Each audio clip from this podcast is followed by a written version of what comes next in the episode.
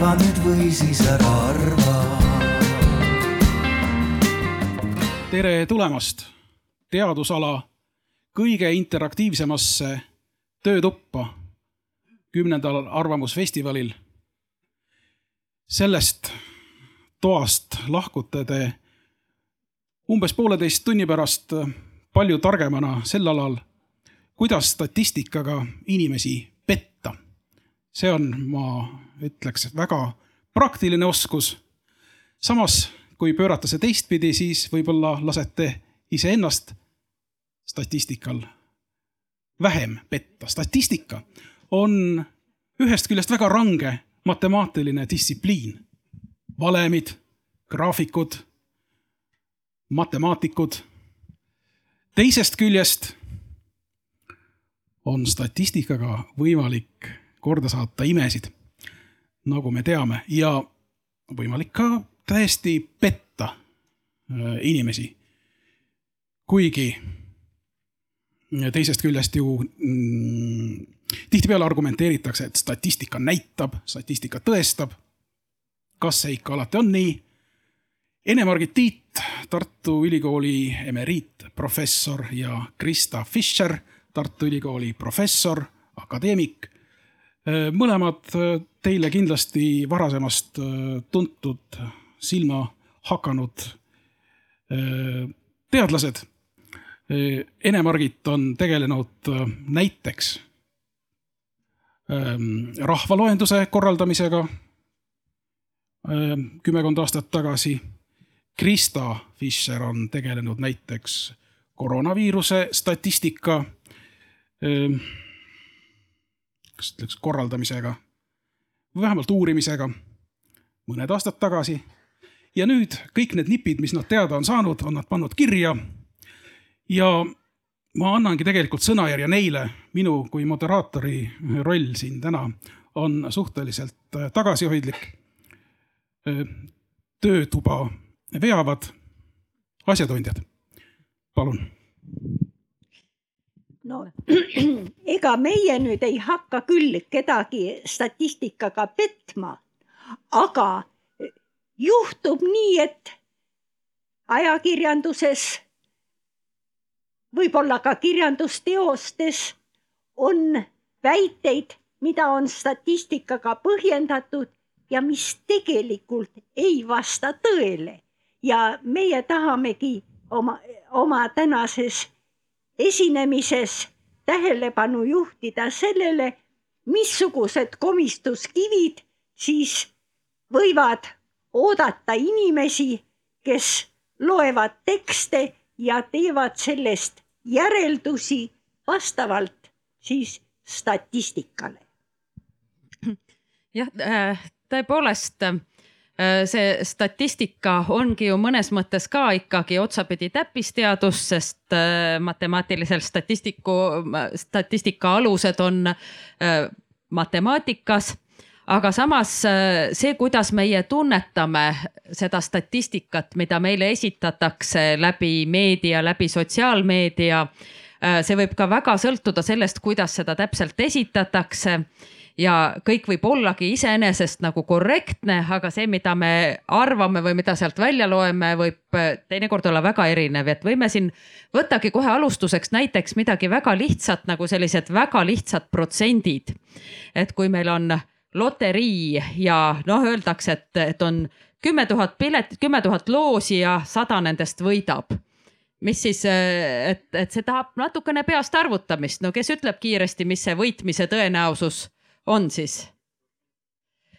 üks protsent, jah, õige, et äh, oli kiire mõtlemine, aga kui öeldakse nüüd võidab iga sajas loos ja siis on teine loterii, kus öeldakse, et võidab iga kahesajas loos. no kumb loterii siis nagu, kumba loteriiga on rohkem lootust võita iga sajas õige, ja aga, aga teistpidi räägib, räägitakse ka no loteriiga on selge, et me teeme selle otsuse ja kas me riskime, oleneb, mis see pilet maksab, kas me võtame, aga, aga siis räägitakse ka haiguse riskidest. nüüd siin pandeemia ajal on seda eriti räägitud, et mingis olukorras on risk haigestuda üks protsent või siis näiteks pool protsenti öeldakse üks kahesajast. ja siis hoopis te, teine inimene esitab seda, et, et üheksakümmend üheksa koma viis protsenti inimestest ei haigestu. Et kui te nüüd mõtlete, et sellele, et kas teile esitatakse seda ühel moel või teisel moel, et teil on tõenäosus üheksakümmend üheksa protsenti mitte haigestuda või on ta lausa üheksakümmend üheksa ja pool või, või teinekord öeldakse, et, et teie, teie tõenäosus haigestuda on seal üks sajast et see võib-olla on tehtud ka eksperimente, et kuidas inimesed siis hiljem tunnetavad, et kas neil on suur risk või mitte, et see võib väga erineda sellest. Ja, ja tõesti, kui, kui te öeldakse, et tõenäosus mitte haigestuda on üheksakümmend üheksa protsenti või siis üheksakümmend üheksa koma viis, võib tunduda, et see on üsna sama tõenäosus. aga haigestumisrisk erineb kaks korda, kas haigestute tõenäosusega pool protsenti või, või üks protsent ja siis, kui öeldakse, et vot teil on see geenivariant, mis suurendab teie haigestumisriski kaks korda, siis äh, võib see mõningatel juhtudel tekitada juba selle tunnetuse, et nüüd ongi minu saatus määratud, et see haigus mind ees ootab. aga tegelikult tähendab see seda, et äh, võib-olla poole protsendi asemel on see tõenäosus nüüd üks protsent, see tähendab et, et üheksakümne üheksa koma viie protsendi asemel on tõenäosus üheksakümmend üheksa protsenti mitte haigestuda et ma ei tea, kas Ene oskab siia veel mõne näite lisada? võib-olla, võib-olla võtame nüüd need sünnipäevad ette. ja, ja, ja siin veel haiguse riski puhul ma toon veel ühe sellise näite, et kui öeldakse näiteks see, et, te lähete kuhugi üritusele, kus on kolmkümmend inimest ja öeldakse, et praegu on tõenäoliselt kuskil üks protsent inimestest on nakkusohtlikud, siis võib mõelda, et okei okay,, et äkki on vähe, et seal kolmekümne hulgas ei ole, aga tegelikult äh, umbes üks kolmandik on tõenäosus, et seal kolmekümne 30 inimese hulgas on vähemalt üks nakatunu, nii et ka seal on, äh, esinevad sellised erinevad ähm, äh, noh, nüansid, et me ei saa nii otseselt kohe tõlgendada seda ühte protsenti sellesse, et mis minu risk on, kui ma sinna lähen. Äh, sest eriti, kui on mängus nagu paljud inimesed, igaühel on tõenäosus üks protsent olla haige ja siis, siis me seal peame arvutama, et mis tõenäosusega ükski ei ole. aga jah räägime sünnipäevadest, kus on ka üks näide, mis on üsnagi tuntud tegelikult ja võib-olla Ene räägib ka edasi seda, et, et kui, kui tõenäoline on, et kahel inimesel on äh, ühel päeval sünnipäev.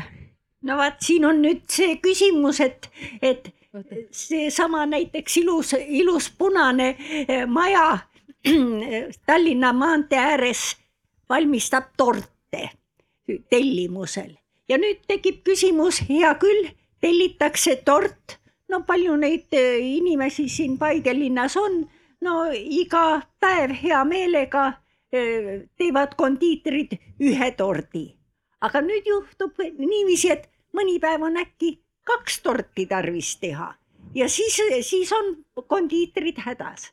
no vaatame, kui sageli seda juhtub, et tuleb, tuleb ühe päevaga teha kaks torti no hakkame, hakkame tegema koha peal niisugust väikest statistikat. hakake ütlema oma sünnipäevi, me märgime need tahvlile ülesse ja vaatame, millal juhtub siis see katastroof, et, et tordi, tordi tegijatel tekib, tekib suur, suur tööjõupuudus kõigepealt, kui paljud arvavad, et me leiame siit kaks inimest, kellel on ühel päeval sünnipäev? no veendumus on suur, vaatame, kas teil, kas nendel on õigus, kes arvavad, et me ei leia siit kahte inimest, kellel on ühel päeval? no pooleks praktiliselt. umbes pooleks, umbes jah. pooleks. aga, aga teemegi nii, et äh, siis äh, Priidul on see ringi käiv mikrofon, anname edasi, inimesed kõik, kes äh, julgevad, ütlevad oma sünnikuupäeva, aastat ei ole vaja öelda ja, ja, ja siis vaat, paneme kirja.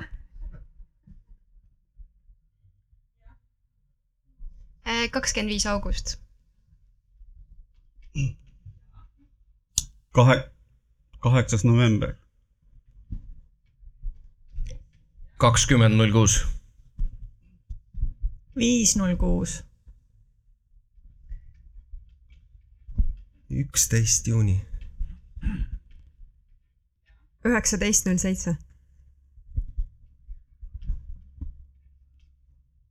kolmkümmend null viis esimene august. kolmkümmend juuli.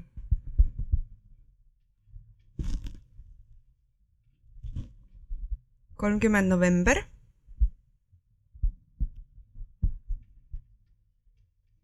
seitsmes september. kuusteist oktoober. kakskümmend üheksa, kolmas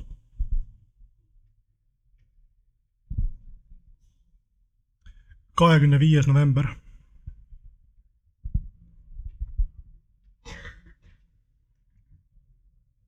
üheksateist oktoober, kakskümmend seitse jaanuar,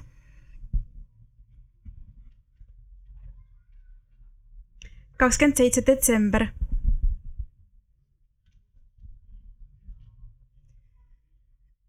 kaheteistkümnes september, kolmkümmend üks juuli, kolmteist oktoober, kakskümmend üks august, teine oktoober,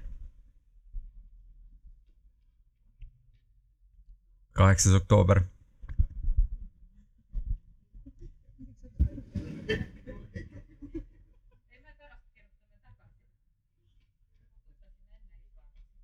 kakskümmend kuus august,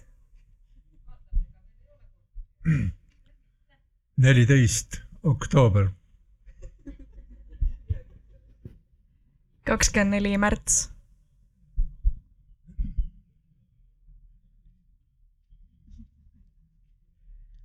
kolmteist, kaksteist,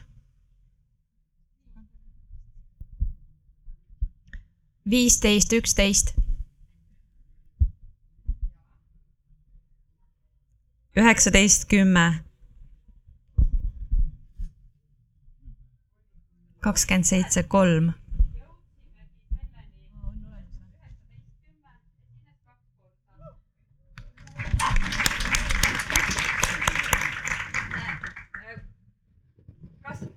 veel keegi, kes ei öelnud oma sünnipäeva, aga kelle sünnipäev öeldi siin juba enne?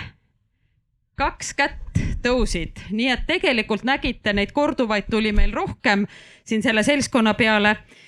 nüüd võib jah kokku lugeda, et mitu kuupäeva pidime kirjutama. aga, aga päris, päris äh, jah, et, et oli näha, väga kaua ei pidanud ütlema.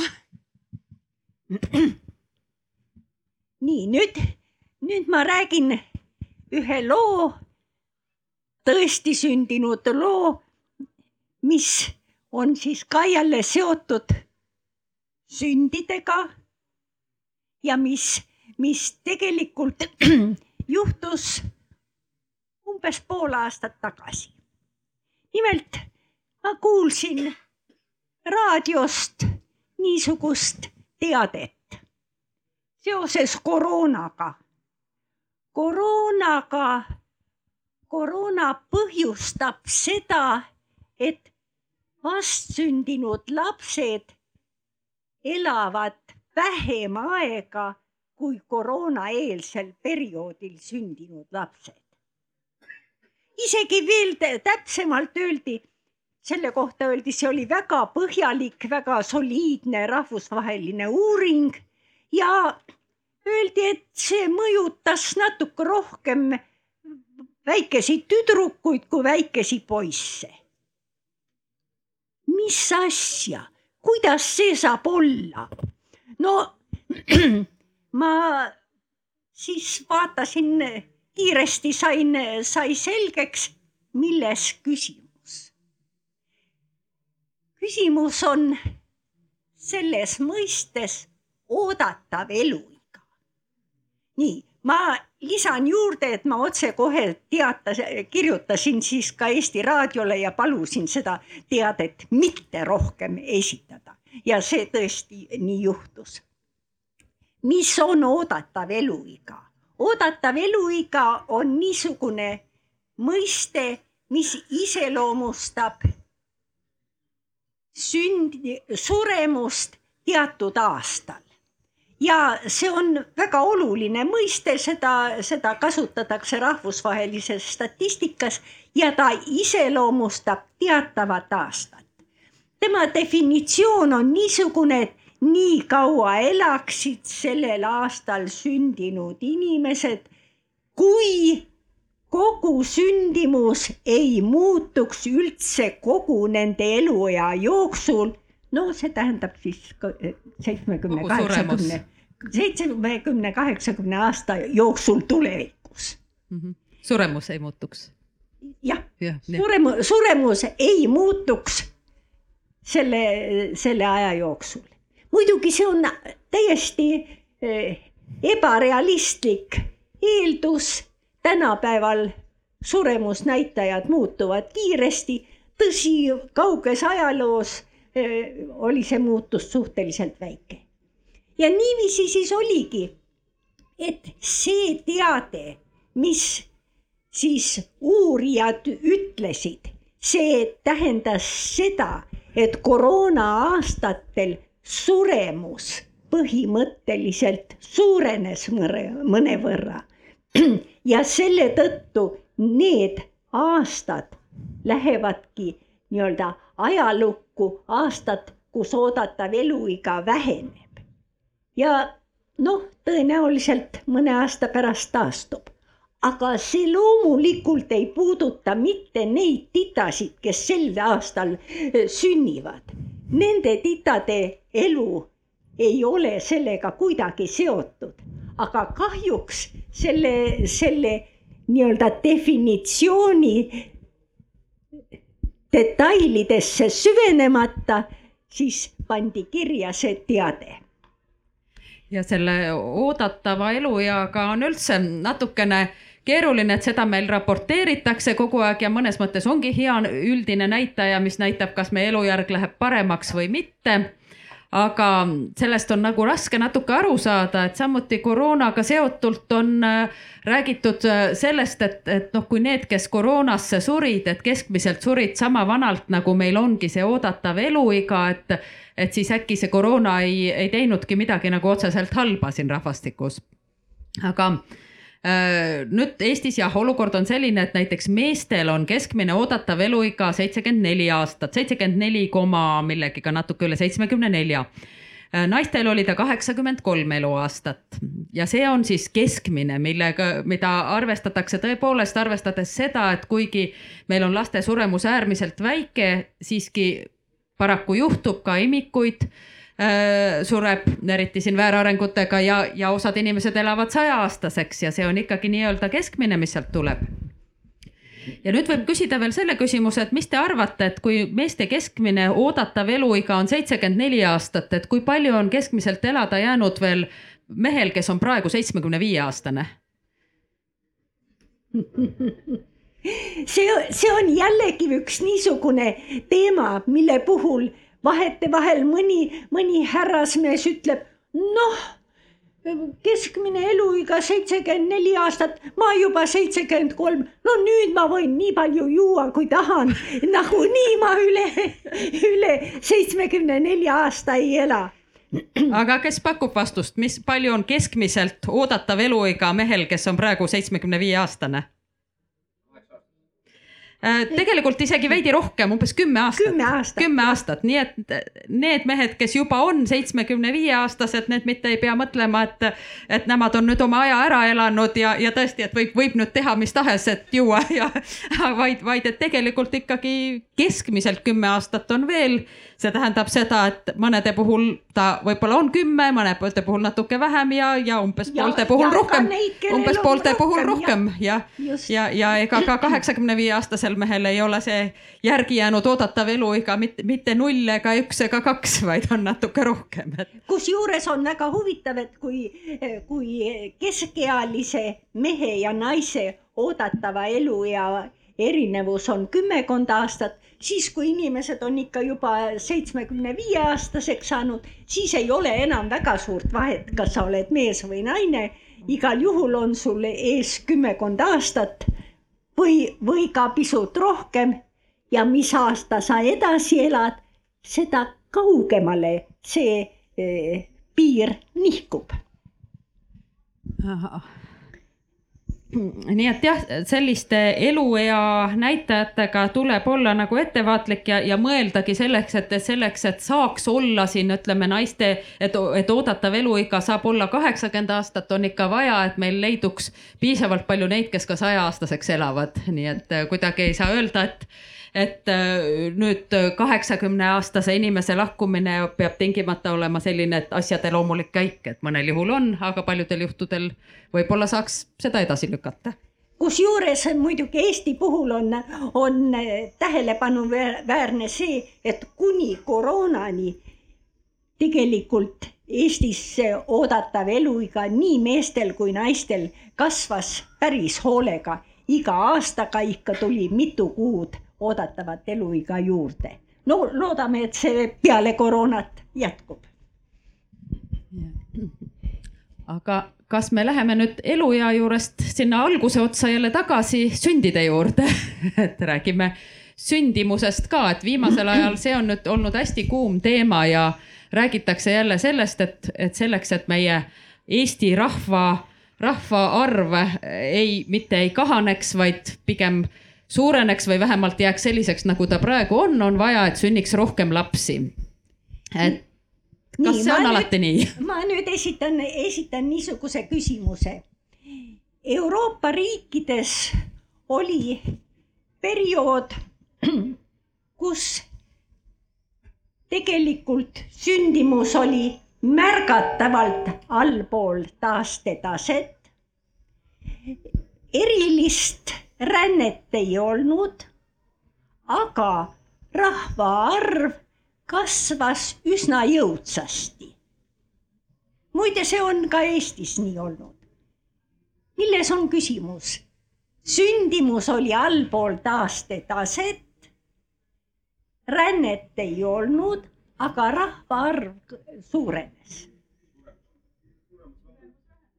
ja no ütleme siis jällegi seesama, seesama efekt, et oodatav eluiga kasvas ja tõepoolest inimesi tuli tasapisi selle arvel juurde, et inimesed elasid kauem. nii, aga nüüd üks teine küsimus. meil tänapäeval lükatakse sünde edasi üsna palju. kui me võtame, meenutame noh, viiskümmend aastat tagasi näiteks, siis ma mäletan, et ma mäletan, et ülikooli lõpu e, aktustel olid kaasas põnnid, olid ülikooli ukse taga lapsevankrid. küllalt paljud no kahekümne kolme, kahekümne nelja aastased naised olid sünnitanud mõned ühe, mõned mitu last. tänapäeval on titad ülikooli auditooriumis üpriski harva esinev nähtus. niisiis sünde lükatakse edasi aga samas, mis on tegelikult statistiline tõde, iga Eesti naine, eeskätt just nimelt eestlanna, sünnitab keskmiselt peaaegu et kaks last. üsna pisut alla kahe lapse, aga mõni, mõni põlvkond ka isegi pisut üle kahe. minu küsimus on kas see sündide edasilükkamine kuidagi mõjutab rahvaarvu?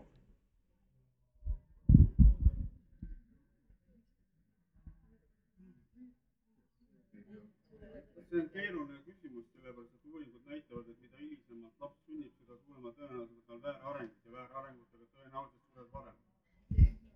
ma ei räägi väärarengust ega tervisest, see on teine jutt. oletame, et suremus jääb samaks, et suremus ei muutu, aga ja sünn, sünnib ka sama palju lapsi keskmiselt, ränne ka ei muutu, aga lihtsalt lükatakse edasi sünde, et kas siis äh, äh, jääb rahvaarv ka samaks, mis te arvate?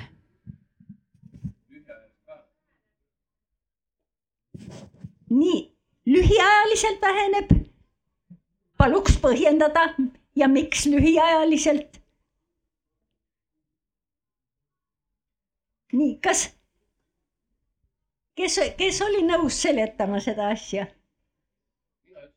jah et see laps, kes täna jääb sündimata, selle võrra on homme rahvastik ühe lapse, ühe inimese võrra väi- väiksem.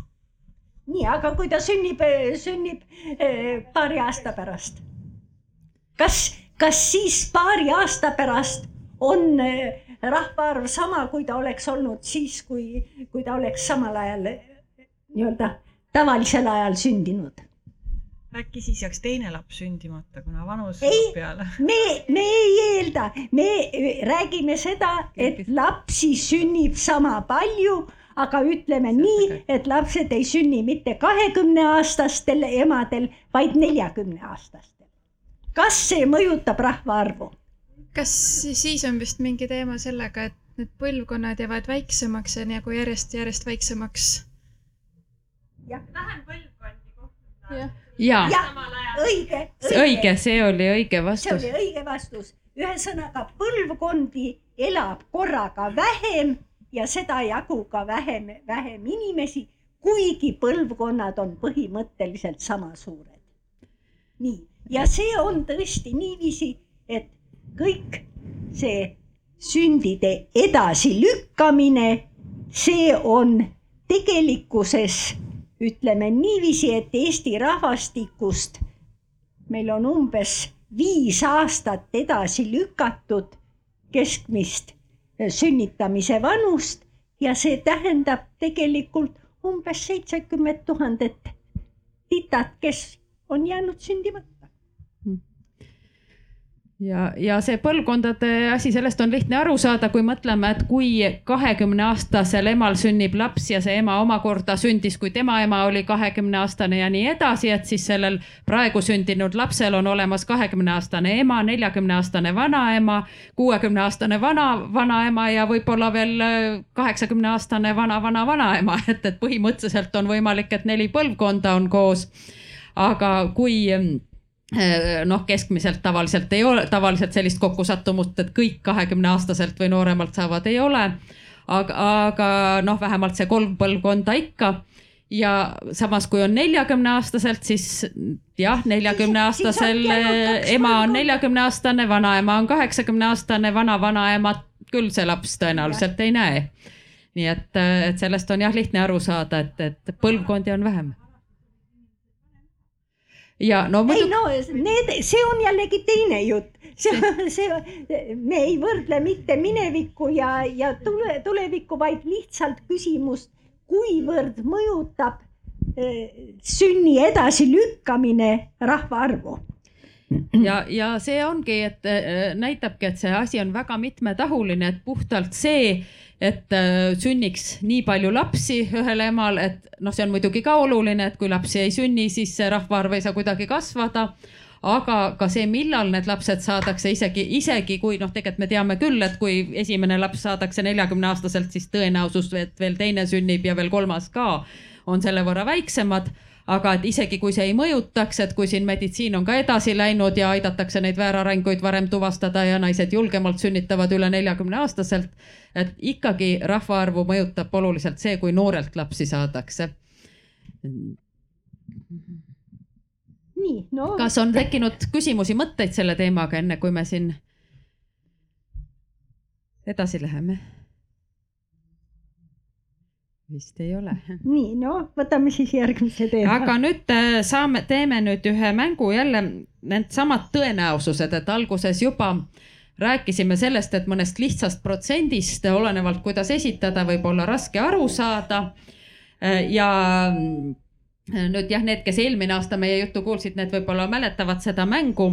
meil on siin väikesed auhinnad ka, mul on siin laual kolme eri värvi ümbriku, me teeme siin kolm korda ja äh, sellise mängu, et siin nendest kolmes ümbrikus ähm, on äh, kahes on lihtsalt üks valge paberileht, et ta läbi ei paistaks ja kolmandas on sees ka üks kupong, mille eest saab jäätise, et Priit oskab pärast näidata, kust selle jäätise saab selle kupongi eest.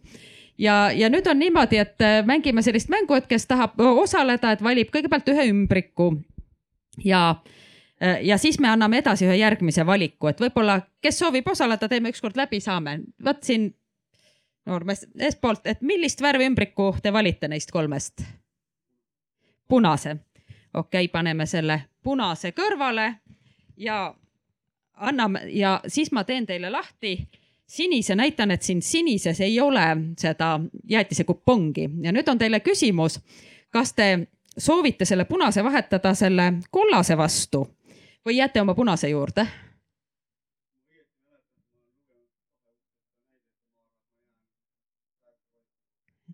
jääte praeguse valiku juurde.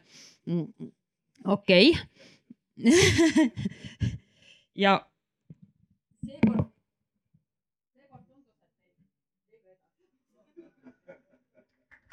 seekord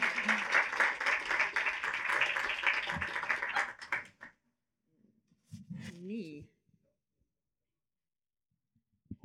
ja, aga mul on siin veel neid komplekte. kes veel soovib osaleda?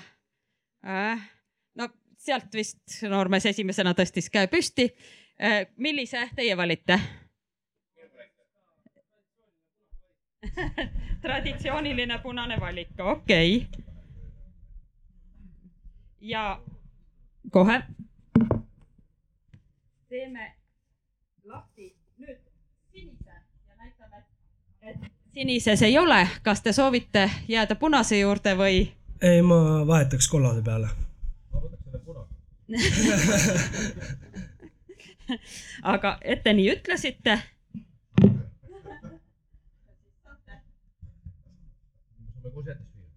ja kusjuures tõepoolest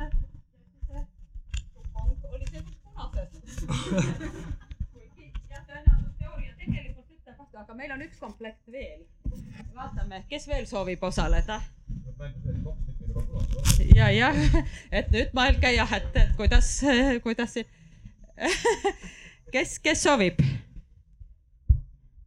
no üks naisterahvas ka sealt tagantpoolt soovib. Öelge, mis värvi te valite? kollase. kollase valite.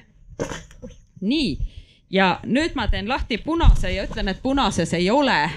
et kas te soovite vahetada siin? kusjuures huvitav on see, et kui me eelmine aasta tegime, siis, siis töötas nii, nagu see tõenäosusteooria peaks ütlema, et need, kes soovisid vahetada, said, aga sel aastal on meil natuke vastupidi, aga ma kohe seletan.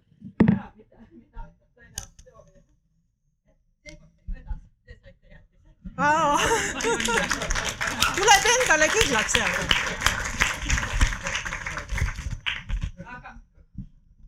tegelikult on teooria selles, et kui meil on siin kolm ümbrikku, et kui te teete selle valiku, on tõenäosus üks kolmandik. jääte oma valiku juurde, noh, ega see tõenäosus siis ei muutu, on ikka üks kolmandik.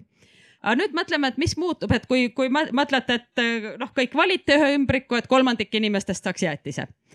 aga kui nüüd me vahetame ja ma teen ühe selle tühja ümbriku lahti, näitan, et selles ei ole, siis kõik, kes algselt said jäätise need vahetavad tühja ümbriku vastu, need ei saa. ja kõik, kes algselt jäätist ei saanud, need vahetavad selle ümbriku vastu, kus jäätis on, nii et tegelikult te pöörate selle ühe kolmandiku kaheks kolmandikuks, nii et praegu meil juhtus nii, et ühel juhul see töötaski niimoodi, et üks inim-, et see, kes selles teises ümbrikus oli, aga aga jah, et või, või just vastupidi, et praegu meil tuli natukene vastupidiselt sellele loogikale, eelmine aasta just need, kes vahetasid, alati said jäätise. et aga, aga teoorias siis alati seda ümbrikku vahetada oleks kasulik, et kui pikas perspektiivis mängida, siis siin pöördub see tõenäosus tagurpidi, et tundub nagu ei oleks vahet, aga just, just selle loogikaga, et kui te algselt ei saanud, siis vahetamise korral kindlasti saate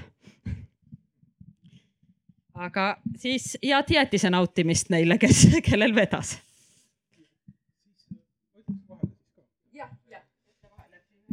nii, jäätised saate kätte siis, kes on jäätise talongi õnnelik omanik.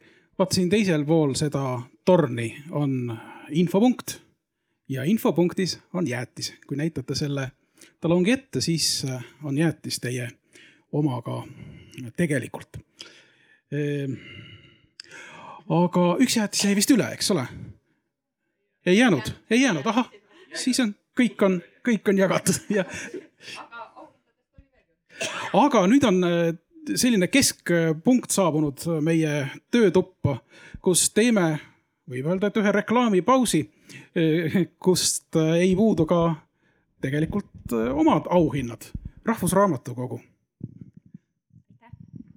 tere rahvusraamatukogu korraldab Arvamusfestivalil Desinfo aardejahti ja üks aardejahi mängus olevaid arutelusid või töötubasid, kus on vaja osaleda, et siis hiljem auhindade loosimises osaleda, on just see statistika teemaline töötuba, kus me kõik praegu oleme. nii et teil on juba üks punkt käes, teil on üks kleeps käes ja auhinnaks on näiteks raamat Putini inimesed, mis on olnud raamatu edetabelites nii Eestis kui mujal maailmas, aga ka näiteks selline T-särk, nagu minul on seljas. ehk siis, et kes tahab võita auhinda, kes tahab osaleda, siis on vaja kokku osaleda kolmel arutelul võib-olla te mõnel olete juba osalenud, täna on veel kaks meie aardejahi arutelu. et tulge lihtsalt pärast seda arutelu lõppu minu juurde, annan teile paberi, saate kleepsud ja siin on juba juhised peal, nii et pärast loosime, et head loosiõnne kõigile, aitäh. nii et kasulik on osaleda töötoas, mida ka kohe jätkame aga nüüd räägime valimitest, kuidas teada saada inimeste arvamust, eelistusi, hoiakuid, uskumusi, et küsitlusi tehakse hästi palju. tihti on tõenäoliselt igaühele meist on helistanud vahel küll Norstat, küll mõni, küll Emor, küll mõni teine firma, kes on soovinud midagi teada. ja me oleme vastanud ja võib-olla või, või kes ei ole, pole aega olnud vastata, aga kuidas ikkagi teha hästi seda küsitlust? Nii, tegelikult statistika algas kõiksest statistikast ja kõigepealt arvati, et selleks, et teha järeldusi, peab ikkagi kõik mõeldavad objektid üle lugema. no niisugust asja tehakse tänapäeval rahvaloendustel, aga ega palju muu, muud ei te tehtagi.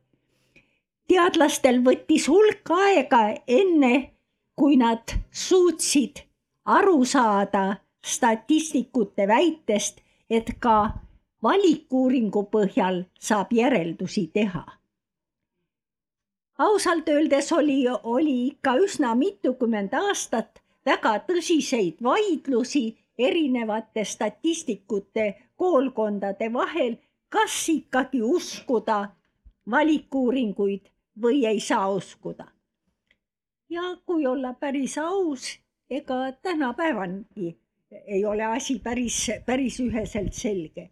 see, neid inimesi, kes ütlevad, et kõikne uuring on ikka märksa usaldusväärsem kui valikuuring, leidub küll.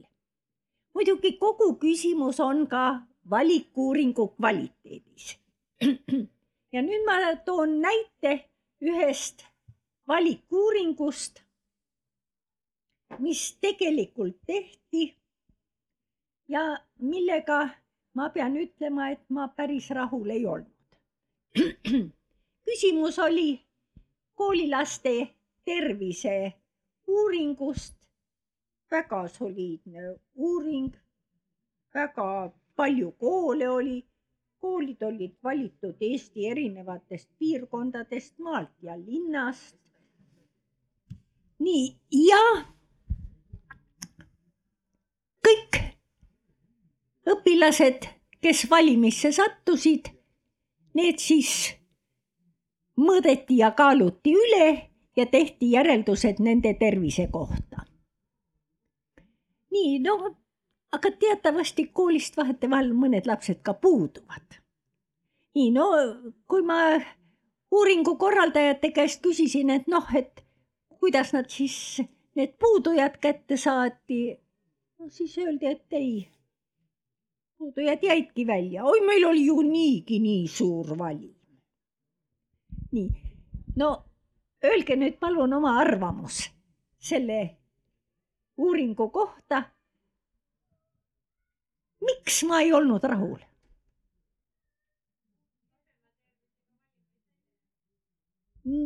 no paluks, paluks eh, natuke. nii jah. ja et kehvema tervisega valim jäi siis uurimata. nojah, kas ta, kas ta nüüd tingimata oli kehvema tervisega, Aga aga, igal juhul võis olla, et need lapsed, kelle tervis oli kehvem, need puudusid. võib-olla, et puudusid ka hea tervisega lapsed, aga nii või teisiti ei olnud see valim enam esindav. sellega seoses jah, mul ka tulevad meelde uuringud, et kui soovitakse uurida inimese internetikasutuse kohta ja see küsitlus saadetakse näiteks läbi sotsiaalmeedia konto inimesele. Et, et ka siis võime mõelda, et, et jah, unustatakse vahel ära, et meie hulgas on palju inimesi, kellel ei olegi sotsiaalmeediakontosid. nii no umbes samasugune on, on uuring, mis tehakse näiteks eh, linnatänaval, kus küsitletakse inimesi. noh, kasvõi kõnnitee olukorra kohta ja pärast siis öeldakse, aga kõik no paidelased või tallinlased või tartlased arvasid, et, enamus kõnniteid on päris head, aga paha on see, et, et, et nende peal sõidavad tõukerattad. nii, kui ve- veenev niisugune väide on?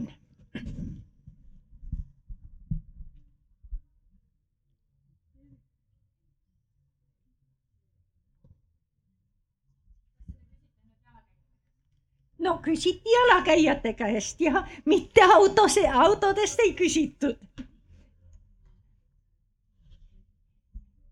seal käisid jalakäijad ka, ega seal ainult tõukerattal ei olnud. no või ainult rattateel? kas ainult rattateel olid need või, tõukerattad või olid ka jalakäijate teel?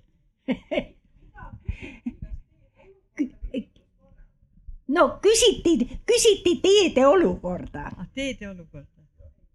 Küsiti teede olukorda ja küsiti nende käest, kes kõndisid mööda teid.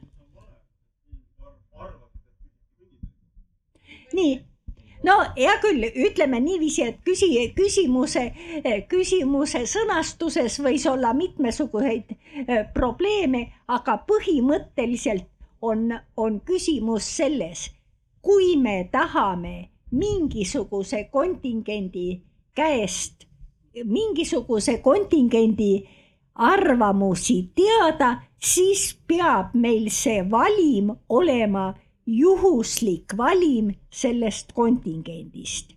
nii, see on kõige lihtsam, see on nii-öelda rusikareegel. loomulikult on keerukamaid disaine, mille puhul on võimalik ka teistsuguste valimitega toime tulla, aga see tähendab juba seda, et vastuseid tuleb nii-öelda kaaluda. lihtviisil valimi saamiseks peab olema valim juhuslik väljavõte siis sellest üldkogumist ja kahjuks igasugused nii-öelda vabatahtlikud valimid ei ole kunagi juhuslikud. Mingisuguste vabatahtlikude vastu, vastajate kaudu ei ole võimalik saada usaldusväärseid tulemusi. Ja et sellesama kõnniteega noh, tõenäoliselt jäi, jäi valimist välja näiteks inimene ratastoolis, kes ei vältis seda kõnniteed, sest see oli tema jaoks liiga auklik või, või, või lapsevankriga inimene aga jah, minul endal tuleb sellega seoses meelde, et kui ma olen geenivaramus pikalt töötanud ja geenivaramu andmeid analüüsinud, et need esimesed viiskümmend tuhat, kes tulid kaasa selle vabatahtliku liitumise kampaaniaga ja liitusid. Ja siis ma tegin ühe graafiku, kus näitasin inimestele, et, et geenivaramuga oli kasulik liituda, sellepärast et igas vanuses inimeste hulgas geenidoonorite suremus oli väiksem kui rahvastikus keskmiselt et, et äh, muidugi jah, eks ma seletasin juurde ka, et, et mis seal tegelikult taga oli, sest äh, tegelikult geenivaramuga liitumine selles esimeses laines tähendas seda, et inimene pidi minema kabinetti kohale täitma äh, või küsimustikku seal selle inimesega koos, kes seal teda vastu võttis ja see võttis umbes tund aega, aega mõõdeti, kaaluti, et kujutage ette, et inimene, kelle tervis üsna vilets oli, et kas ta nii väga tahtis sellist asja ette võtta no ühesõnaga, see oli tüüpiline vabatahtliku valimi nihe.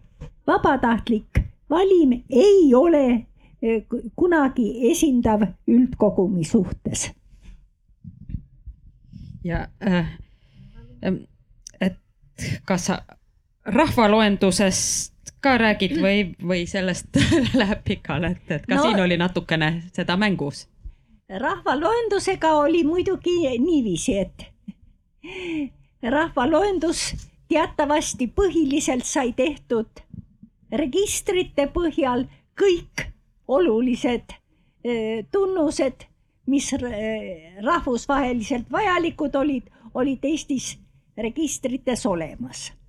nii, aga nüüd Eesti teadlased soovisid saada teatud hulga lisaküsimusi no need lisaküsimused olid näiteks murdekeeleoskus, no olid veel mõned, aga räägime murdekeeleoskusest. nii selleks, et tõepoolest saada infot kõigi piirkondade ja kõigi vanuserühmade kohta, arusaadavalt murdekeel sõltub palju piirkonnast, sõltub palju ka vanusest, tehti väga detailne nii-öelda valikuplaan, missugustelt inimestelt konkreetselt esita-, see lisaküsimus siis esitati murdekeeleoskuse kohta. Nii, ja siis selle järel needsamad murdekeele uurijad tegid ettepaneku, aga las vastavad ka teised sellele samale küsimustikule. no paneme ta internetti, me saame palju rohkem vastajaid. no valimis oleks olnud meil umbes kuuskümmend tuhat, tegelikult vastas ligemale pool miljonit. nii, ja nüüd on, oli siis küsimus, aga mida teha? meil on nii-öelda kavandatud täpne valim, mille jaoks oli selge, kuidas andmed kaaluda, et saada esindav pilt murdekeeleoskusest. Ja meil oli lisaks vabatahtlik valim. aga mõtleme, mis tähendas see vabatahtlik valim. see tähendas loomulikult neid inimesi, kes olid nii-öelda sina peal internetiga, suhteliselt nooremad.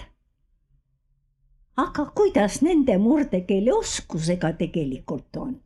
Tõenäoliselt on need just nimelt inimesed, kes hoopis halvemini murdekeelt räägivad, sest murdekeel on pigem vanemate inimeste, pigem maal elavate, omaette taludes elavate inimeste oskus. Nii, no tegelikult muidugi selle, selle kaalumise ülesande me statistikud küll lahendasime ära, aga põhiline oli, oli see, et mingisuguseid nii-öelda esialgseid andmeid kõigist vastanutest avaldada ei saa, sest see oleks tekitanud üsna segase pildi. Tõenäoliselt me saame tõesti adekvaatse pildi, aga see tahab natukene ebatavalist kaalude arvutamist ja selle, selles näites, et, et üks asi on see, et me tahame teada noh, võib-olla mingit protsenti, et kui paljud oskavad murdekeelt, aga mõnikord äh, tule, ilmnevad ka mingid seosed, mille puhul esmapilgul võib tunduda nagu loogiline üks selgitus, aga rohkem järgi mõeldes saame aru, et asi võib olla teisiti. Ja see on mul nüüd ühest artiklist võetud näide, et kuidas Ameerika ühes tippülikoolis tehti selline uuring, et mõõdeti tudengite akadeemilist võimekust siin mingi punkti skaalal ja, ja siis mõõdeti nende sportlikku võimekust ka mingite punktide skaalal. ja siis leiti selline hästi tugev, selge negatiivne trend, et mida kõrgemad akadeemilised võimed, seda kehvemad sportlikud võimed ja vastupidi, et, et mida paremad sportlikud võimed, seda kehvemad akadeemilised võimed et noh, jah, siin võib ju öelda, et kohe teha üldistuse, et ega jah, sportlaste akadeemilised võimed ei ole siis nähtavasti suuremad asjad. aga mis teie arvate, kas võib teha selle järelduse või on taga midagi muud?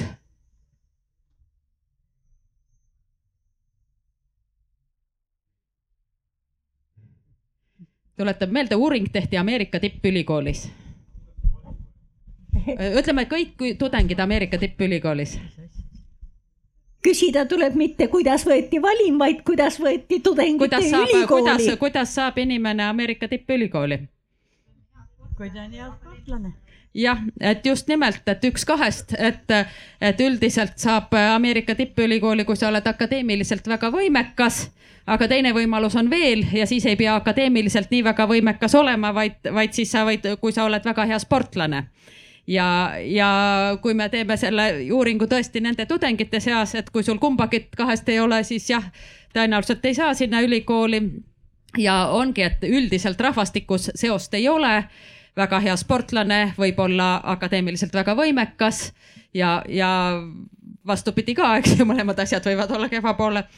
ja, ja võib-olla väga hea sportlane ja mittevõimekas, seost ei ole, aga lihtsalt me näeme seda seost, kui me valime selle valimi nii. ja umbes sarnane asi tegelikult see artikkel, kus see näide toodi, oli see, oli hoopis koroona teemal, kus räägiti sellest, et miks algselt tundus, et on seos suitsetamise ja koroonaga nakatumise vahel ja seda just sedapidi nagu suitsetamine kaitseks ja meil ja kui hakkame mõtlema kaks tuhat kakskümmend kevad, et alguses nende testidega ei, ei saanud väga laiutada ja testitigi siis kahte kategooriat, et testiti rutiinselt kõiki eesliini töötajaid, noored, terved ja neid testiti sõltumata sellest, kas neil olid sümptomid või mitte lihtsalt. ja siis testiti neid, kellel olid sümptomid ja kes olid äh, eakad ja riskigruppides ja siis, kui me hakkame mõtlema, et kes olid suurema tõenäosusega suitsetajad olid needsamad noored terved eesliini töötajad, politseinikud, äh, seal parameedikud, sest ja vana nii-öelda jah, vanemad kehvema tervisega inimesed, isegi kui nad on elu jooksul suitsetanud, on tänaseks maha jätnud äh, tervise tõttu. Nende hulgas oli vähe, aga kuna neid testiti sümptomite korral, nende hulgas oli palju rohkem koroona positiivseid. ja siis tuligi välja nii, et, et nagu suitsetajate hulgas oleks vähem koroona positiivseid, aga kui ära unustada, et jälle keda, keda valiti, keda testiti, siis ilmnes selline omamoodi seos, nii et ega jah, ma arvan, et praegu enam seda veendumust, et suitsetamine oleks kuidagi kaitsnud, et kuskil ei ole. nii, kas, kas me räägime äh, külmlaoloo ka ära või? võib-olla või on vahepeal küsimusi, aga jah, külmlaost võib muidugi rääkida ka on küll. jah. et äh, selle koroona teemaga seoses, äh, no seda infot, mis äh, käis läbi, väidetavalt oli kuidagi teaduspõhine või statistikaga seotud, et seda oli hästi erinevat ja hästi erinevates kanalites. et ühtepidi see pandeemia oligi nagu kaos ka info mõttes, aga et et mismoodi siis tegelikult sellises olukorras äh, on õige statistikat esitada, et me ju ei saa kõigile teha sellist põhjalikku töötuba nagu siin täna. et, äh, et kui palju üldse peaks äh, rääkima statistikast, kas see võib-olla hoopis häirib seda? see on üks väga keeruline küsimus ja, ja loomulikult ka noh, ka mina olin ju sellega ka seotud nende aruteludega ja noh, üks asi oligi, noh, seal oli otsustajaid palju, et kui, kui esitada nagu pigem palju erinevaid arve, see ajas segadusse, seal tõesti oli vaja neid jutte juures, juurde nagu just seesama natukene eelnevaga seonduv on ka see, miks meil täpselt aasta tagasi, eelmine aasta augustis tundus nagu, et need nakatunud, kes olid vaktsineeritud, sattusid samasuguse tõenäosusega haiglasse kui need, kes olid vaktsineerimata kui ja, ja seal oli nüansiks see, et, et vanus mängis sel hetkel väga palju rolli, sest selleks hetkeks olid eakate hulgas oli umbes kaks kolmandikku vaktsineeritud ja ütleme, alla kuuekümneste seas oli või alla viiekümneste seas oli umbes kolmandik vaktsineeritud ja kui me räägime kaheksakümne aastane või üheksakümne aastane vaktsineeritud inimene või kahekümne aastane vaktsineerimata inimene, siis haiglasse satub suurema tõenäosusega ikka see eakas nii et, et selliseid asju ja nii, et tegelikult oli see tõlgendamine väga keeruline, aga niipea kui jäeti mingi asi ära sellest, et avaldati mingeid arve, mis olid nagu võib-olla tekitasid segadust rohkem kui selgust, aga kui see ära jäeti, siis oli hoopis teine süüdistamine, et nüüd varjatakse. et nüüd enam ei ole andmed sellised, et meeldivad ja, ja nüüd varjatakse, nii et, et seal on need dilemmad, et, et eks jah paljud püüdsid oma parimaid, mõned sogasid vett ka ja, ja kuidagimoodi me seal üritasime toimetada. no ja kogu küsimus ongi selles, et andmed, andmed on ühesed. seletus on sinna juurde ühene, aga mõni inimene saab teisiti aru ja siis kirjutab sellest enese ettekujutusest suure pika loo ja leiab küllalt palju uskujaid ka. no tema oli ju targem kui tohtrid, tema, tema nägi selle asja taga hoopiski teist võimalust ja nii need, nii need asjad kahjuks, kahjuks lähevad haraliseks. nii, aga noh, üks, üks asi, mille, mis kuulub noh omamoodi niisuguste prohmakate hulka oli siis, mis see oli poolteist aasta tagasi või poolteist aastat tagasi, oli see kuulus külmlao ülessoojenemine, kus, kus suur hulk eh, väärtuslikku meditsiinilist materjali läks kaotsi. Ja kus terve hulk asjamehi ütlesid, et aga seal olid ju niisugused kindlad kontrollisüsteemid peal.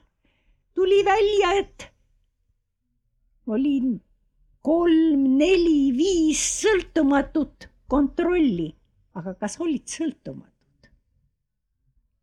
kogu küsimus on selles, et, et kui on kontroll, no hea küll, kontroll, mis, mis eksib üks kord tuhandest ja on teine kontroll mis eksib üks kord tuhandest.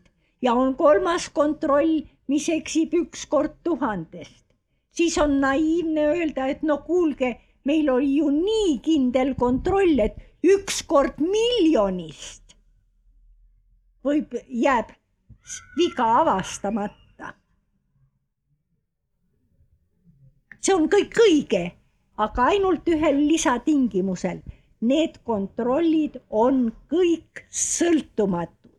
Nad saavad erinevatest allikatest voolu, neile ei pääse juurde samad inimesed. ühesõnaga ei ole ühtegi niisugust tegurit, mis neid kõiki korraga mõjutaks. kahjuks seekord ilmselt seda ei olnud ma ei tea, kas oli üks ühine elektrisüsteem, mis, mis tõrkus ja hoolimata sellest, et, et oli viis või seitse erinevat hoiatussüsteemi, kui ei töötanud, siis ei töötanud ükski.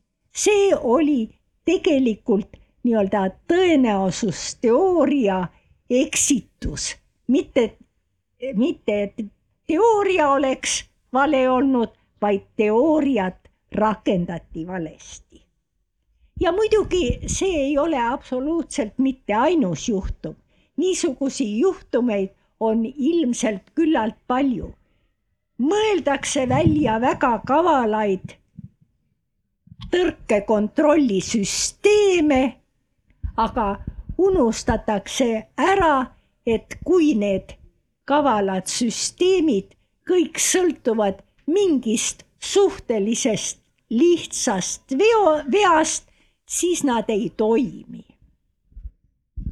Selle, seal, selle sarnane näide on üks hästi kuulus ähm, kriminaalasi Briti saartelt, kus üks naine pandi vangi sellepärast, et tal kaks järjestikku sündinud last mõlemad surid hällisurma ja siis leiti, et kuna selle hällisurma tõenäosus on nii väike, no ma ei mäleta, ma ei tea, kas ta oli üks kümnest tuhandest või midagi sellist ja korrutati, et üks kümnest tuhandest äh, kaks korda kokku, et, et üks, ma ei tea, mitmest miljonist ja et ei ole võimalik, aga samas arvestamata, et kui ükskord juhtub, et seal taga võib olla geneetiline äh, mingisugune probleem, mis tõenäoliselt ükskord juhtub ühes peres, siis võib seal peres ka teist korda juhtuda ja, ja seetõttu jah, lõpuks, lõpuks ikkagi me, see naine, naisterahvas mõisteti õigeks, kui ta oli vist juba mõnda aega vangis saanud olla, nii et selline lugu oli ka, et kus peeti asju sõltumatuteks, mis tegelikult sõltumatud ei olnud.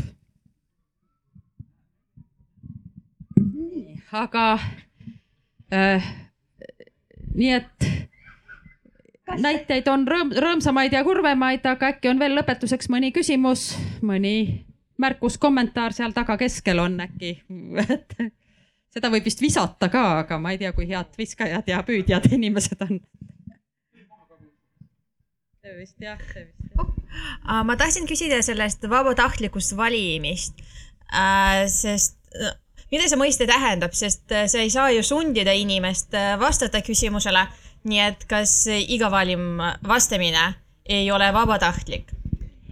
nii, kahjuks see tõesti on niiviisi, et, et valimite puhul üldiselt küsitakse inimestelt eh, nõusolekut. nii, aga valim on ikkagi disainitud ja selle valimi puhul arvestatakse ka seda, et mõni inimene ei ole, anna nõusolekut see on nii-öelda valimi disainis võetakse arvesse.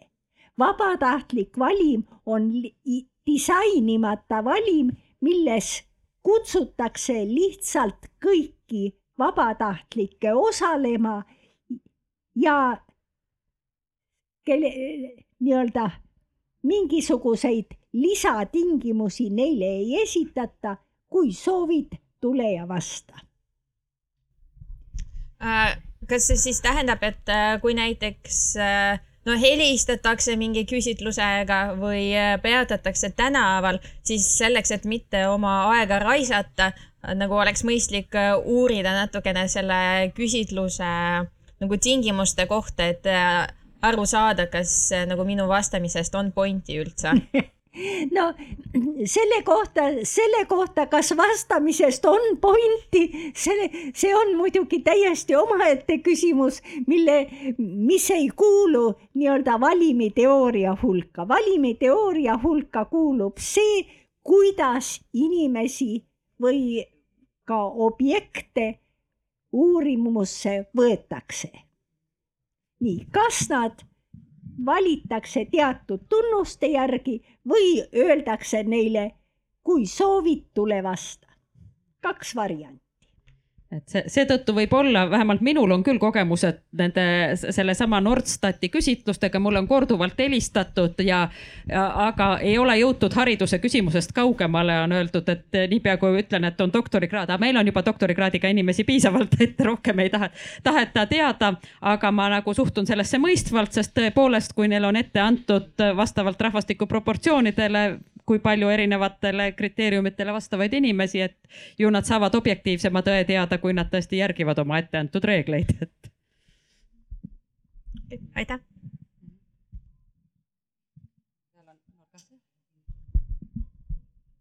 noh. kõigepealt suur tänu, et see oli tõesti väga põnev ja samal ajal väga valgustav hariduslik eh, ettevõtmine ka, mitte ainult teadus, teadusalale kohane. et minu küsimus oleks see, et, et kuidas teie hinnangul praegu koolide matemaatika, statistika äh, õpetamine välja näeb, et mulle näib, et need näited, mis te ka tõite, kuidas inimesed võib-olla näiteks ajakirjanduses avaldatud statistikast väga aru ei saa, et need on üsna kõnekad, et siin tõenäoliselt ainult ühest või kahest lausest nii-öelda selgituseks ei piisa, et oleks vaja seda haridustaset tõsta.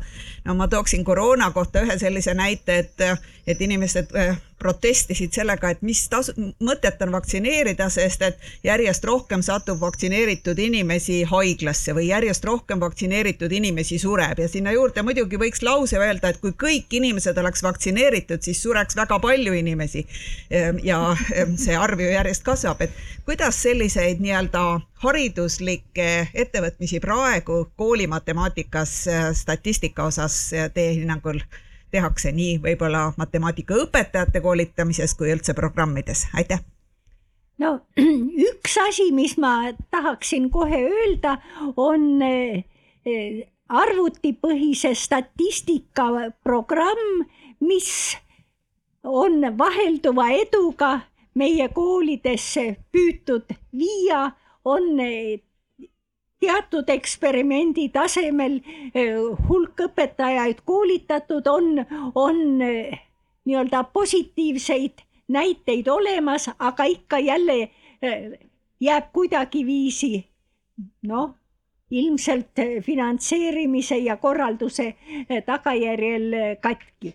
see on, see on minu meelest üks väga oluline samm, mis oleks tõesti vajalik, mis käsitleks statistikat kaasaegses mõttes ja just nimelt nii-öelda seoses erinevate valdkondade rakendustega ja mitte statistikat kui rehkendamist et, et jah, noh, kindlasti see statistiline kirjaoskus, mida me ikkagi loodame, noh, kasvõi tänase ettevõtmisega siin natuke jälle aidata kaasa selle parendamisele, et, et selle, selle peale on mõeldud ja tuleb edasi mõelda. ma arvan, et edasiminekut on olnud, et lapsevanemana olen näinud, et ikkagi mingit statistiliste andmete kujutamist õpetatakse juba algklassides, kuidas seal lihtsaid diagramme teha ja ja tõenäosusteooria elemendid on sees gümnaasiumi programmis Äh, kas seda saaks paremini ja kas seda saaks nii, et, et äh, ta jõuaks paremini kohale, et ta oleks haaravam, äh, elulisem. et noh, alati, alati tõenäoliselt saab, aga siin jah, oleneb tõenäoliselt palju ka sellest, kui entusiastlik on pedagoog sealjuures ja palju tal aega on tegeleda lisaks. aitäh mul on lihtsalt selline tähelepanek, et ma paneeli uuringutes noh, internetidel täidan neid ja kohati on need teemad sellised, äh, millest ma ja vastuste variandid on sellised, et äh, ma panen täitsa umbes. et ma tahaksin äh, alatihti lõpetada oma uuringu niimoodi, et ma vajutaks nuppu, et palun ärge minu arvamust arvesse võtke. et noh, ma annan endale aru, et ma lihtsalt eksitan et tahaks nagu seda nuppu vajutada, et ärge minuga arvestage. alguses küsitakse, et kas ma olen nõus osalema uuringus, ma ei tea, mis sealt tuleb. noh, et selline mõte lihtsalt.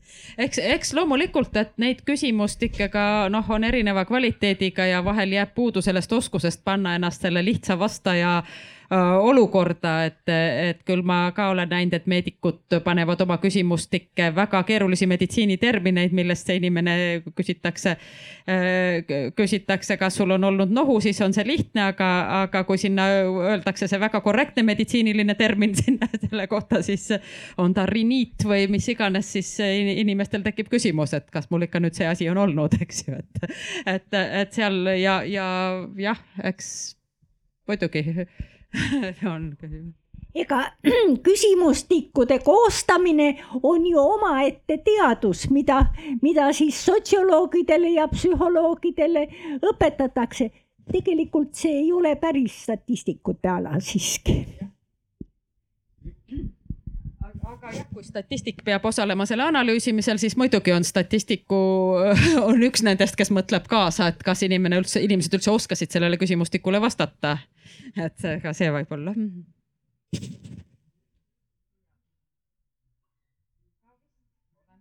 oma aja juba üle läinud.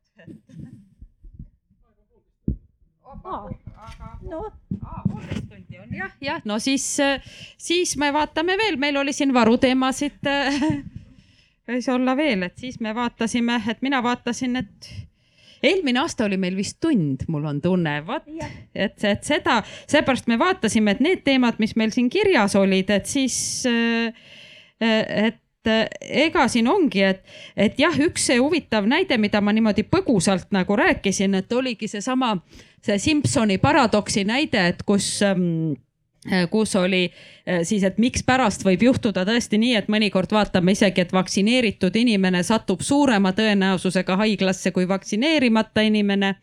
et kui me unustame ära Äh, sellise lihtsa asja, äh, et, et seal on mingi kolmas tegur veel, mille mõju on hästi tugev nagu vanus. et, äh, et kui enamasti on eakad vaktsineeritud ja noored ei ole mingil ajal, nagu tõesti eelmine aasta augustis oli eriti tugev see vahe. ja siis me olime väga lähedal sellele olukorrale ja, ja nii tuli ja täpselt sar-, et üks kuulus näide maailmast sarnase paradoksiga oli ka ühest Ameerika tippülikoolist Berkeley'st oli, kus tehti tudengite vastuvõtu statistikat ja leiti, et, et poisid saavad palju kergemini sisse kui tüdrukud, et, et vaadati, et kui suure tõena-, et kui palju oli kandidaate, poisse, tüdrukuid ja, ja kui palju neist vastu võeti ja tõenäosused olid siis, et poistel oli suurem tõenäosus sisse saada aga jälle alguses esi-, süüdistati ülikooli diskrimineerimises. aga siis, kui hakati vaatama detailsemat pilti, et milliseid erialasid seal valiti, siis tuli välja, et poisid valisid äh, mõnda sellist eriala, seal oli see, ma ei mäleta, kas inseneeriaga seotud või arvutiteadus, kus oli, võeti hästi palju vastu ja seetõttu oli siis konkurss oli väike ja samas tüdrukute hulgas olid populaarsed sellised äh, erialad äh,, ma ei mäleta täpselt, mis seal oli, kas nad olid humanitaarsemad või mitmed sellised erialad, kus oli konkurss hästi suur ja vastu võeti vähe. ja, ja noh, kui tegelikult iga eriala kaupa eraldi vaadata, siis tundus, et üldiselt isegi võis olla tüdrukutel veidi suurem tõenäosus sisse saada. aga, aga lihtsalt kõik kokku lüües tuli vastupidine olukord. nii et äh, seetõttu ka igasuguste ilmselgete tugevate andmetest peegelduvate seoste puhul võib äh, alati küsida, et äkki oli seal miskit veel taga, miks me näeme, et need protsendid just sedapidi erinevad. ja, ja noh, neid näiteid on jah, äh, üldiselt üsna palju võib äh, ja, ja koroona ajal ka ja ka igasuguste selliste testide ja, ja selliste näidetega üks teine olukord tekkis ka siin koroona ajal just selle seireuuringuga, kus äh, juhuvalimiga, et võib-olla ka mõned teist on sattunud sinna seireuuringu valimisse. seal on täpselt seesama valimi probleem, et sinna algses valimis oli üle kümne tuhande inimese, aga siis uuringusse kaasati need, kes soovisid osaleda, soovisid siis seda PCR testi minna tegema, hiljem ka pakuti antikehatesti võimalust ja, ja seal statistikud nägid kõvasti vaeva, et erinevaid kaalusid kasutades üritada tagasi saada sealt siis enam-vähem see olukord, mis võis olla hinnanguliselt rahvastikus. ja, ja ega me saimegi tunnistada, et ega päris tõde sealt võib-olla välja ei tulnud, aga ühel hetkel tuli välja, et enam kui pooled või umbes pooled PCR positiivsetest tegelikult ei olnud nakkusohtlikud, nad olid kas nii-öelda jääkpositiivsed või valepositiivsed ja sellest tuli nagu ka palju sellist vastukaja, et kas me üldse saame seda PCR testi usaldada. Aga nüüd äh, siin tuleb jälle mõelda selle diagnostiliste testide olukorrale, et ükski test pole ideaalne. Ja samuti ka need koroonatestid ei ole, et nad annavad väikese tõenäosusega valepositiivset ja kui see väike tõenäosus on isegi siin üks tuhandest või, või ka üks sajast või, või mitmesajast, siis paratamatult neid valepositiivseid tekib ja väikese tõenäosusega valenegatiivseid ja kui me nüüd testime sellist seltskonda, kus tegelikke nakatunuid on väga vähe, et nagu seal seireuuringus oli, et võib-olla ainult üks-kaks protsenti oli sel hetkel tegelikke nakatunuid siis satub meil valimisse hästi palju neid, kes, äh, kes saavadki anda ainult kas siis õige negatiivse või vale positiivse tulemuse. Ja see väike tõenäosus tegelikult annab meile üsna suure arvu, et kui vale positiivset tekib ühel juhul tuhandest, aga me testime viit tuhandet inimest, siis tuleb keskmiselt juba viis vale positiivset ja kui nende tuhandete, viie tuhande hulgas on võib-olla kümmekond inimest, kes on päriselt nakatunud ja nendest tuleb ka seal võib-olla annavad või ütleme viis inimest, et need annavad ka positiivsed tulemused, siis meil ongi pooleks valesid positiivseid ja õigeid positiivseid. et see on selline keeruline dilemma nende testidega, et parem, parem mitte niimoodi igaks juhuks ilma sümptomiteta testida või kui seda teha seireuuringu eesmärgil, et siis tuleb osata tõlgendada, sest kui tegelikult äh, see olukord, mis muidu on, et inimene läks testi tegema siis, kui tal olid sümptomid, kui ta või kahtlustas, et oli nakatunud. ja sellisel juhul ei olnud see tõenäosus tal juba algselt üks protsent, vaid oli pigem võib-olla kümme, kakskümmend, kolmkümmend protsenti või rohkemgi, et ta on nakatunud ja sellisel juhul enamikel juhtudel ikkagi tulid sealt õiged positiivsed tulemused. nii et, et jälle selline keeruline moment, kus me näeme, näeme midagi, arvame, et, et pooled testid nüüd valetavadki, aga tegelikult tuleb mõelda, et kui palju kedagi testitakse, et väga sarnane olukord muidu on ka selles äh, dopingu testimise rindel. Et kes mäletab võib-olla mind, et ma siin kümmekond aastat tagasi tegelesin ühe tuntud dopinguprotsessiga ja seal on ka minu meelest väga keeruline on välja töötada head dopingu testi olukorras, kus enamus sportlasi tegelikult ei patusta dopinguga, et kui testida kümneid tuhandeid sportlasi ja test annab ühel juhul tuhandest valepositiivse tulemuse, siis tuleb sealt ikka käputäis neid valepositiivseid välja ja võib-olla tuleb teist sama palju neid, kes on tegelikult patustanud ja, ja siis on väga raske tegelikult kohut mõista, kui meil ei ole mitte mingit muud lisateadmist, et, et kas see inimene võis saada seda keelatud ainet või mitte. on ikka lõpuks väga keeruline öelda, et kes siis tegelikult oli süüdlane. et äh, selles suhtes selle konkreetse Eesti, Eesti looga, et, et mul on hea meel, et hiljem äh, teine samasugune või ma ei tea, kas oli samasugune, sest tõde sellest esimesest loost me lõpuks ei tea keegi. aga et, et olukord leidis lahenduse tänu sellele, et tõesti tuvastati keelatud aine tarbimine, et test võib anda nagu vihje sellele, et seal võib olla probleem, aga ta, seda dopingutesti kohtus ainukese tõendina kasutada on väga raske. nii, ma lisaksin, lisa, ahah, kas seal oli küsimus? ega te juhuslikult ei tea, kas kuskil on netis ükskõik mis keeles lehte, kus on üles loetud sellised äh, kuulsamad juhtumid, kuidas on statistikat valesti mõistetud või valed järeldused tehtud. siis tegelikult äh, ma ise olen mõningaid kogunud, aga, aga ma usun, et väga paljudele inimestele, kui ta loeb need läbi, siis ta, see mõjub neile kainestavamalt kui, kui mis tahes üldloengud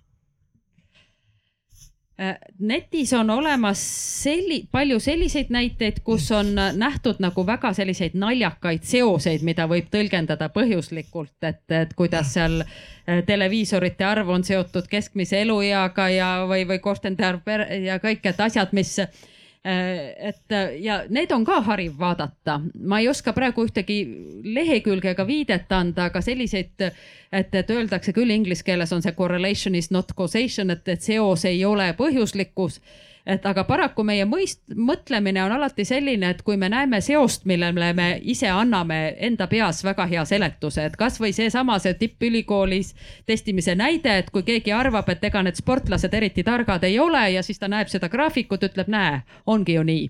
aga aga samas, kui me näeme seost, nii nagu üks ka teadus, lausa teadusartiklis avaldatud sellise näitena oli seos erinevatel riikidel šokolaadi söömise ja Nobeli preemia laureaatide arvu vahel väga tugev positiivne seos tuli, et seal, kus süüakse rohkem šokolaadi, seal on rohkem Nobeli preemiaid võidetud, et Šveits oli seal esikohal ja, ja seal noh, Belgia seal ja erandiks oli Rootsi, kus saadi noh, rohkem Nobeli preemiaid, kus šokolaadi söömine lubaks ja siis seal öeldi, et aga nad ju ise annavad neid preemiaid välja, ju nad annavad siis rohkem.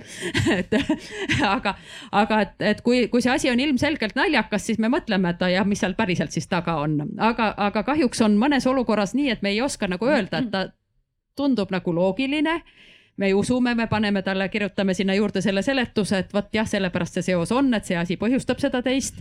aga tegelikult on ikkagi midagi muud, nii et, et jah, tuleb lihtsalt olla ettevaatlik ja niimoodi nagu tervemõistuslikult skeptiline, et mitte päris äh, nüüd uskuda lamedat maad, aga, aga vaid, vaid vaadata ikka, mis on need päris faktid ja päris andmed ja, ja selliste statistiliste andmete puhul see, et mis seal veel võib taga olla, et see on nagu õige mõte ilma et siis kõiki van-, vandenõusid kahtlustama hakata küll no siia juurde ma siis tooksin, tooksin ka veel näite, kui, kui sa rääkisid sellest, kuidas Ameerikas saavad, saavad poisid paremini ülikooli sisse kui, kui tüdrukud, siis Eesti kohta ma ütleksin, et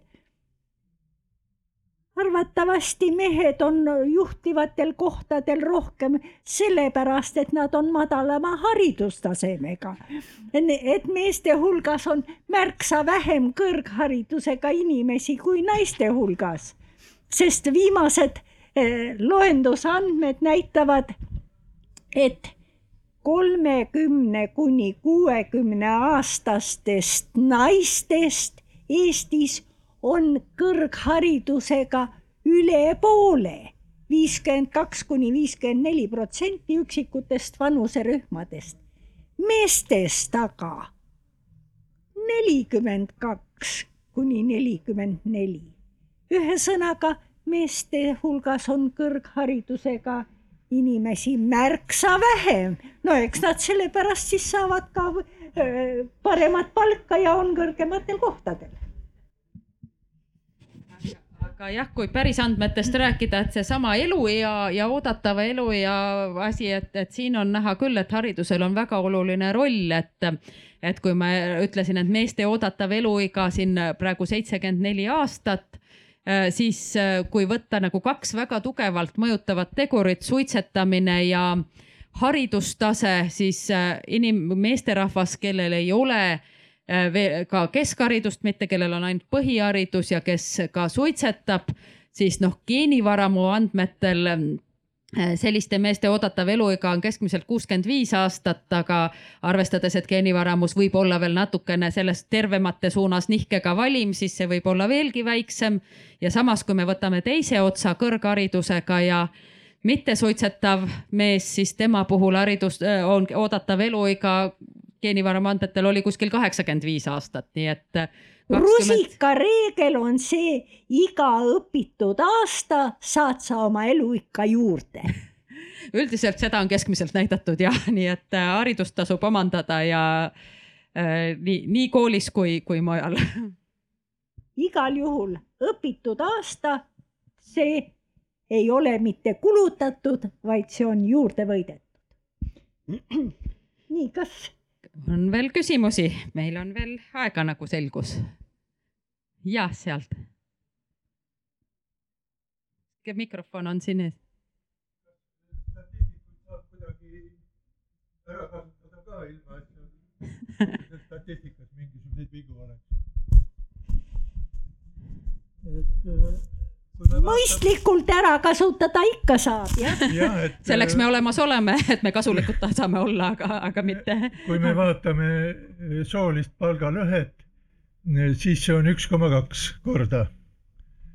jätame need ihihi asjad sealt kõrvale, et kas me neid muid sotsiaalseid protsesse uurime sama täpsusega või laseme teises kohas näiteks kümnekordse erinevuse puhul, mingi sotsiaalse nähtuse puhul rahulikult olla ja asendusteemana hoiame esiplaanil ühe koma kahekordse erinevusega mingisuguseid pseudo nii-öelda või, või on mõistlik teha niimoodi, et kui me ühe protsessi jaoks oleme määranud, et, et seda me loeme märkimisväärseks üks koma kaks korda, et siis ka näiteks lastetu ja kümnelapselise pere toimetuleku erinevus ei oleks üle ühe koma kahe korra no see on juba, see läheb juba siin sotsiaalpoliitika teemadesse, see ei ole päris, et statistikud võivad andmeid analüüsida, aga ja. see, mida teha ja kus on need põhilised probleemid, see on nagu teiste pärusmaa. mis aga puutub statistikutele ja siin mul on üks raamatu soovitus, on äh, Hans Rosling või Hans ja Ola Roslingu Faktitäius on eesti keelde tõlgitud inglise keeles Factfulness Äh, kus on hästi palju juttu nendest niinimetatud lõhedest.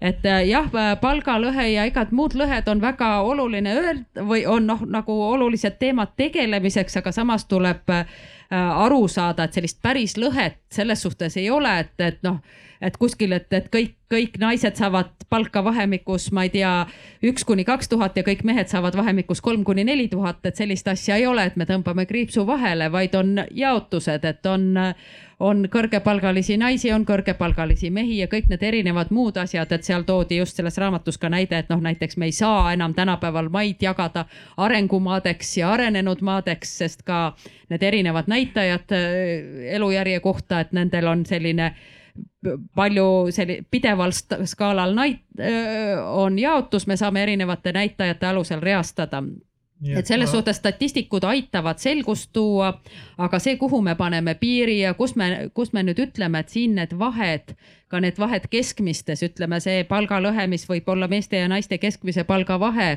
ja et kust alates ta on probleem ja mis asju tuleks veel arvesse võtta, et aru saada, et kas ta päriselt on ka ja kõik, et, et see. no minu rõhk oli. see on juba poliitikute teema ka. rohkem lastetu ja kümnelapselise pere. no ja ka, ka nende puhul, et eks see on äh, perepoliitika ja, ja statistikud võivad aidata andmeid analüüsida. üks koma kaks korda. teema. see ei ole see ei ole statistikute teema, seletada, seletada kümnelapselise ja ühelapselise pere erinevust. see ei ole statistikute teema. ei ole nõus seda ühiskonnale neid andmeid andma, kui suur andmeid, andmed on olemas, andmed on olemas, neid pole vaja isegi anda need, need võib Statistikaameti kodulehelt leida. aga te meeleldi tegeleksite ühe koma kahekordse erinevuse statistikud ma... ei vali enamasti teemasid, statistikud tihti ikkagi äh, Äh, jah, noh, tähendab vali teadlasena me saame teatud vabaduse küll uurida, aga, aga me vist kumbki ei ole palgalõhe teemaga tegelenud, nii et, et seda ei saa nagu öelda, aga, aga mitte, et see ei ole, kõik need on olulised, ma ei saa öelda, et see on väheoluline teema, nii et aga, aga jah, statistikud. mõistlik oleks ikkagi, kui on ühiskonnas võetud mingisugune kordne erinevus normaalseks pidada, et siis see on laialdasemalt, laialdasemaks kriteeriumiks, mitte ainult äh, ühel juhul mõistlik on igasugused teemad ühiskonnas selgeks rääkida, aga need ei ole statistikute teemad. kuigi seal on see arv üks koma kaks, aga see ei tähenda, et see peaks olema nüüd statistikute pärusmaa. statistikud võivad aidata seda arvu selgitada, analüüsida, kui see ülesanne on vastavalt püstitatud. Ja, ja statistik on enamasti osa meeskonnast, et tegelikult ei ole nii, et statistika üksinda äh, tegeleb, et kasvõi ka see koroona teema, et väga palju on oodatud minult, et ma annan hinnanguid mingite äh, piirangute ja vajaduse ja mittevajaduse kohta, aga statistika analüüsib andmeid, aitab tõlgendada andmeanalüüsi tulemusi, mida see tähendab. ja hoopis eraldi küsimused on, et kui me tahame, et need andmed oleks natuke teistsugused, mida tuleks teha, et muuta et äh, statistikud aitavad jah, mõõtmistulemusi tõlgendada ja, ja seda arvulisi andmeid kasutavaid, kasutavat arutelu nagu korrektsena hoida. aga, aga seda jah, otsused on juba teiste inimeste teema.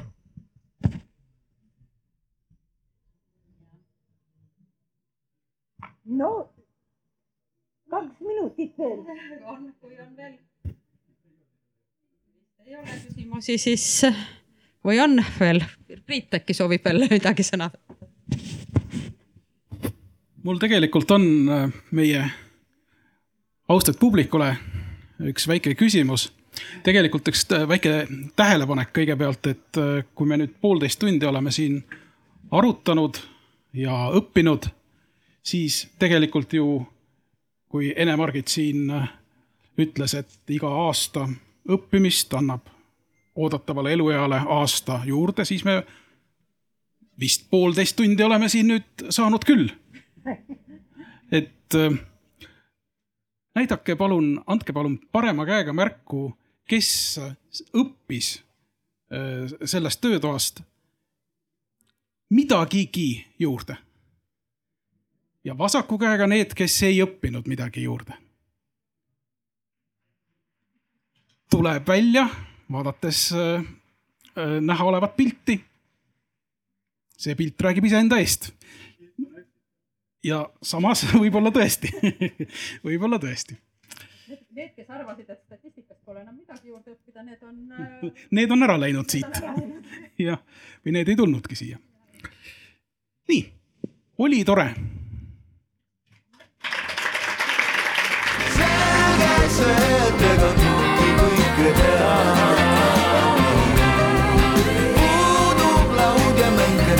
See me.